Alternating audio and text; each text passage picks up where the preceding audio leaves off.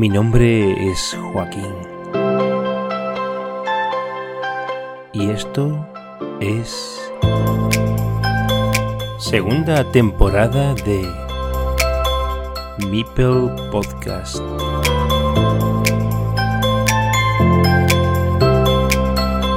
Welcome to Carcassonne.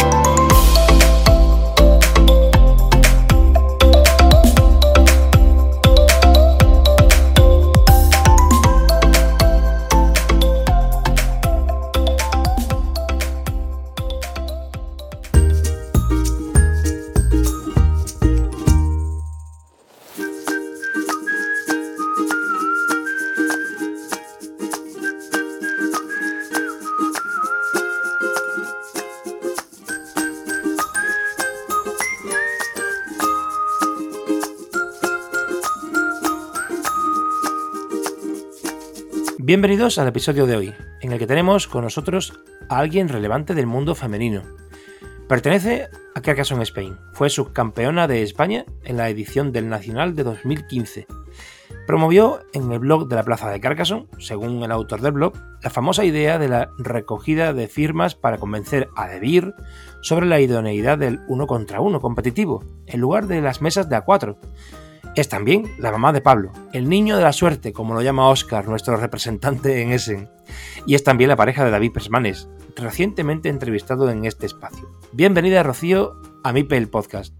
Muy buenas, muchas gracias por contar conmigo.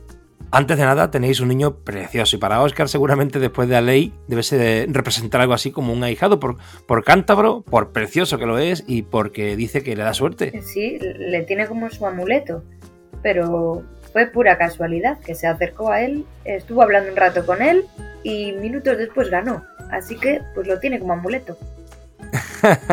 la verdad que yo que he tenido la oportunidad de, conocerlo en persona allí en Nacional, es un encanto de niño, la verdad. Pues mira, fue la primera vez que salió de, de casa a dormir fuera de casa y nos fuimos a Madrid con una ola de calor impresionante. La verdad que hacía mucha calor en Madrid ese día y esos días. Rocío, sabemos que alguien te regaló el juego de Carcassonne, pero ¿quién daba leña a quién cuando le pillaste el tranquillo? ¿Tú a David o David a ti? Pues mira, me lo regaló él por mi cumpleaños. Nos fuimos a Madrid a trabajar y allí no conocíamos a nadie. Y, yo vi el regalo y dije, ¡buah! Un juego de mesa. Bueno, pues como es un regalo de cumpleaños habrá que probarle. Y, y nada, nos enganchamos pues los viernes y los sábados, no teníamos nada que hacer y empezamos a echar partidas unos contra otros. Y bueno, al principio era una vez ganaba yo, otra vez ganaba él, no entendíamos bien los campos, eh, claro, estábamos empezando. Y normalmente me gana él, el uno contra uno. Pero al principio estaba más igualado. ¿Esa frecuencia de ir a los nacionales era por parte de ambos o debutó primero uno y luego el otro? De ambos. Lo vimos y involucramos a dos amigos del grupo y nos fuimos los cuatro. Y fue nuestra primera vez y nos gustó mucho la, la, experiencia. Y de ahí fuimos año tras año, tras año tras año, hasta que la pandemia nos frenó. En 2015 fue cuando llegaste a la final. Sí, y además fue muy curioso porque iba con fiebre. Me había metido un paracetamol, un frenador, iba con un catarrazo horroroso y dije, mira, pues pasaré el domingo como pueda. Y como pueda, fui pasando rondas, rondas, rondas y llegué a la final que creo que ha sido el, los campeonatos que peor me encontraba y aún así no sé, no sé cómo lo hice, pero llegué a la final. Ese año ganó Oscar Mires y bueno, tú te proclamaste pues segunda mejor clasificada en esa general del torneo. Y pero a margen de esto que has comentado, que evidentemente fue un handicap, eh, llegaste a esa final. ¿Cómo, viviste esa experiencia de la primera ocasión en que, en que juegas, ¿no? Porque era la primera ocasión o era la segunda. Era. No, yo creo que era la segunda o tercera. Ajá. Pero bueno, nunca había quedado tan tan cerca. Habíamos quedado pues entre los puestos 18, 20, 25, pero nunca habíamos llegado a, así a semifinales. Y me tocó, bueno, antiguamente se jugaban mesas de cuatro. Eh, uno contra uno y luego ya la mesa final era de cuatro. Y yo era la octava, yo pasé a semifinales como la octava. Y entonces me tocó el primero contra la octava. El primero era Carlos, que era otro cántabro. Y bueno, le gané. Desde ahí pasé a la mesa final. Y nada, muy nerviosa, pero, pero muy contenta. Y al final, bueno, no pudo ser, no pudo ser, pero por un punto. O sea, es que me quedé más cerca, hubiera sido imposible. creo que el, que ganó sacó 49 puntos y yo 48, a un solo punto. Llevaba toda la partida ganada, yo ya me veía en, en ese y el otro chico no se veía ganador. Y fue la última ficha la que no conté bien y le dio un punto más a él. Cuéntanos eso de la mesa de A4, ya que me comentó César, el autor del recientemente clausurado blog de la Plaza de Carcassonne, que un comentario tuyo en su blog propició esa iniciativa que culminó en una recogida de firmas que luego desde Debir desmienten que esa propuesta haya tenido algo que ver o que haya constituido el argumento de cambio del modelo competitivo uno contra uno en el Nacional de 2022 y que ya estuvo previsto, según comentaba Tony Barba, e implementarse en 2020, pero que con la pandemia pues se bloqueó esa posibilidad de llevarlo a cabo. Cuéntanos, repito, esa experiencia de las mesas de A4 y el porqué de ese comentario o propuesta en el blog de la plaza.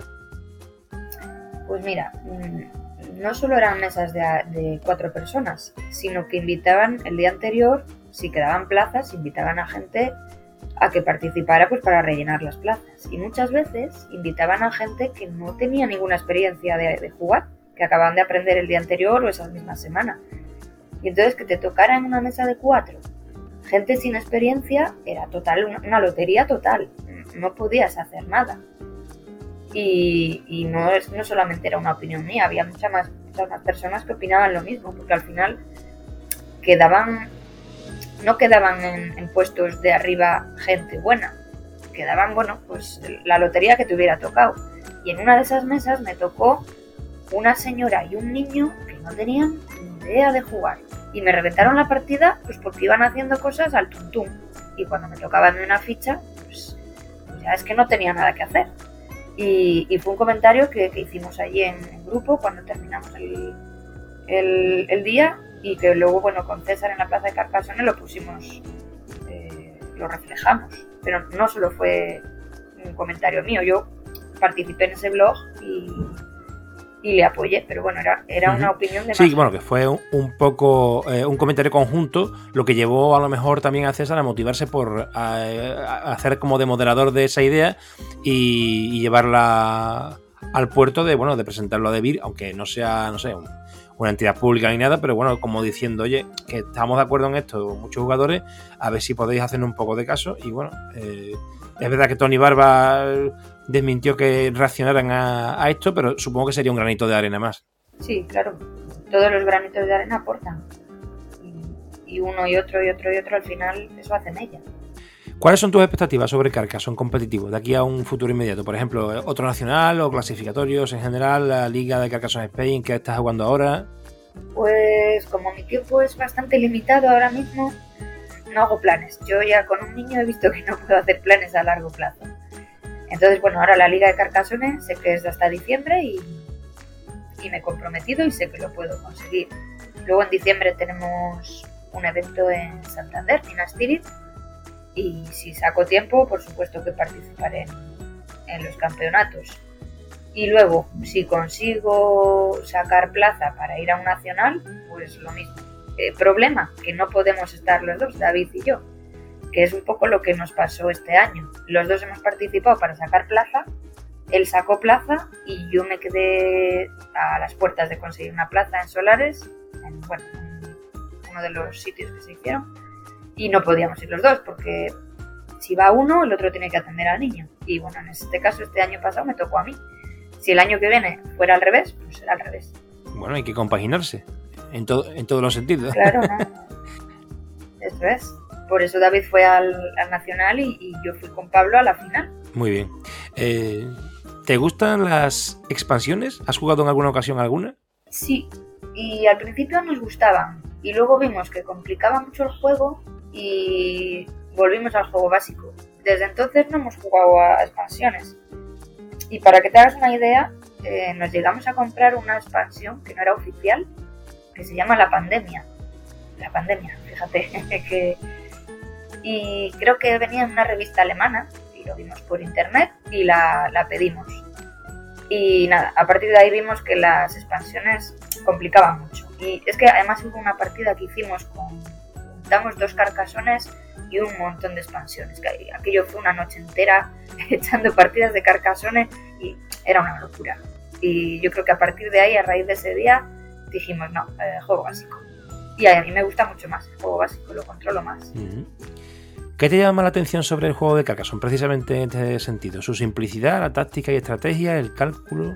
Pues un poco de todo, que no hay una partida igual, porque yo los juegos de mesa, a los que estaba acostumbrada antes de probar Carcassonne, eh, me aburrían, porque al final el Monopoly, el Parchís, todos estos juegos míticos, todas las partidas son iguales. Eh, no, tienen, no tienen estrategia, no tienen y, estos tipos de juegos más modernos de ahora, tipo Carcassonne, eh, sí que te dan esa, esa posibilidad de, jugar con una estrategia, con unas probabilidades, con aprendiéndote un poco las fichas, eh, siendo un poco malicioso con el otro. Y no hay una partida igual a la, anterior ni a la siguiente.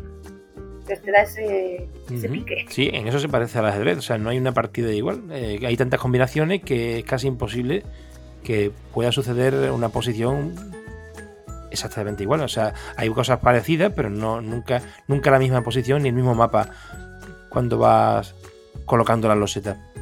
Mm, ¿Tienes alguna anécdota que pudiera resultar interesante de oír? O sea, por ejemplo, no sé, alguna historia vivida en torno al juego o en el Nacional o a la, visita a la ciudad de Carcassonne, alguna cosa que recuerdes en torno al juego.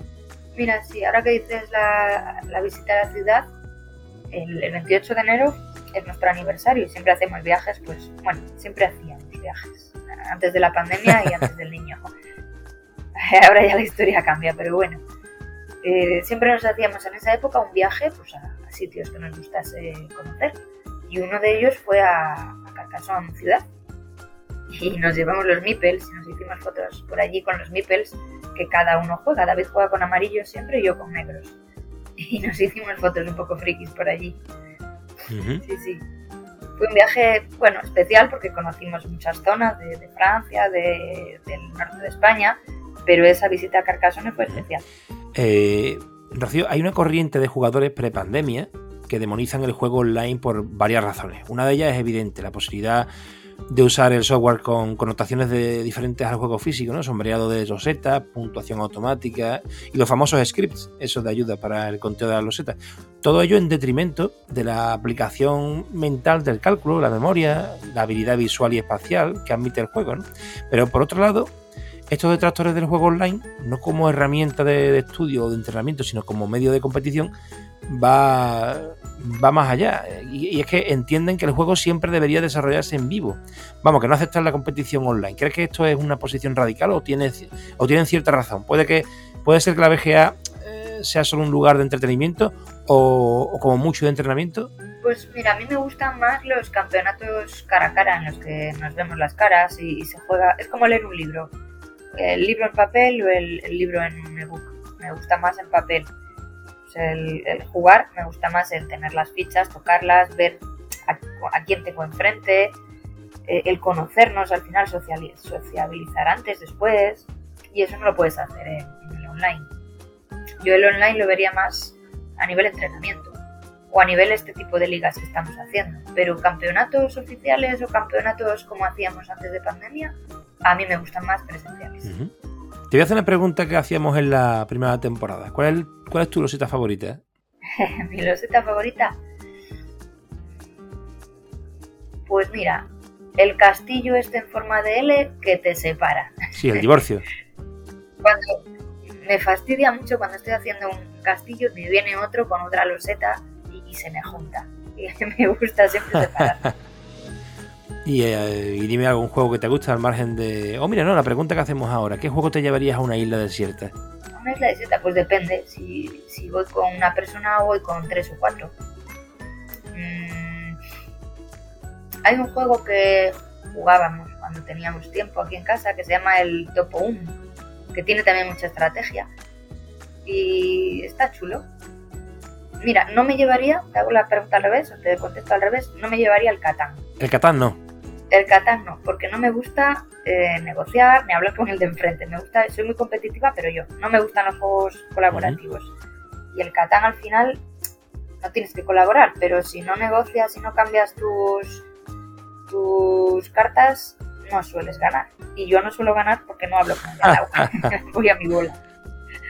Entonces, cualquier juego en el que haya que pensar un poco y, y no sea colaborativo, me lo llevaría. Muy bien. ¿A quién te gustaría que entrevistara a mí en Mipel Podcast? Pues mira, tengo mucho pique con Emilio. Porque siempre que vamos a campeonatos eh, acabamos jugando uno contra otro y hay mucho pique.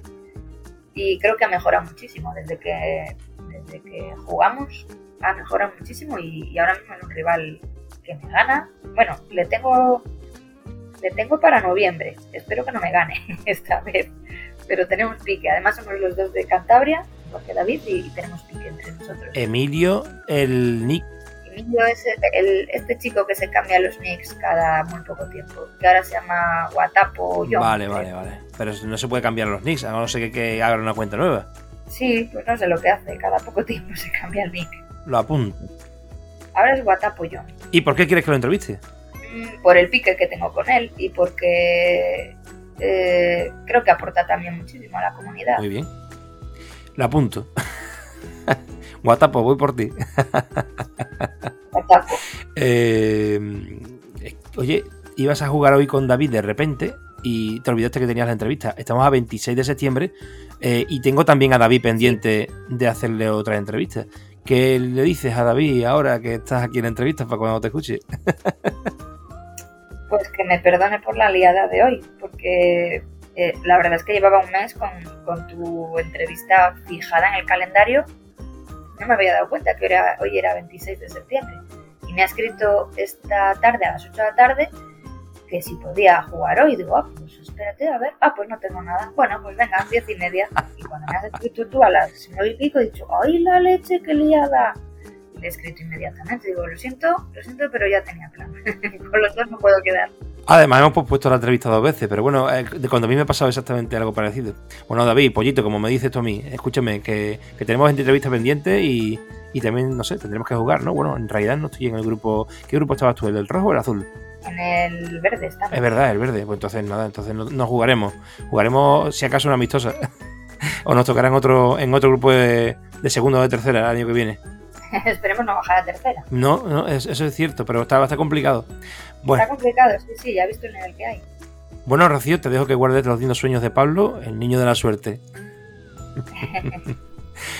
Nos pondremos en serio porque llega ahora Essen y tenemos que, que hacer de amuleto.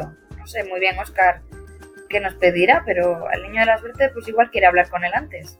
El otro día me mandó un Telegram, un mensaje de Oscar, Oscar Idi, y me dice, oye, te voy a poner una demanda, porque dice, llevas tres capítulos sin sacarme eh, en el podcast, y siempre, siempre dice que lo saco.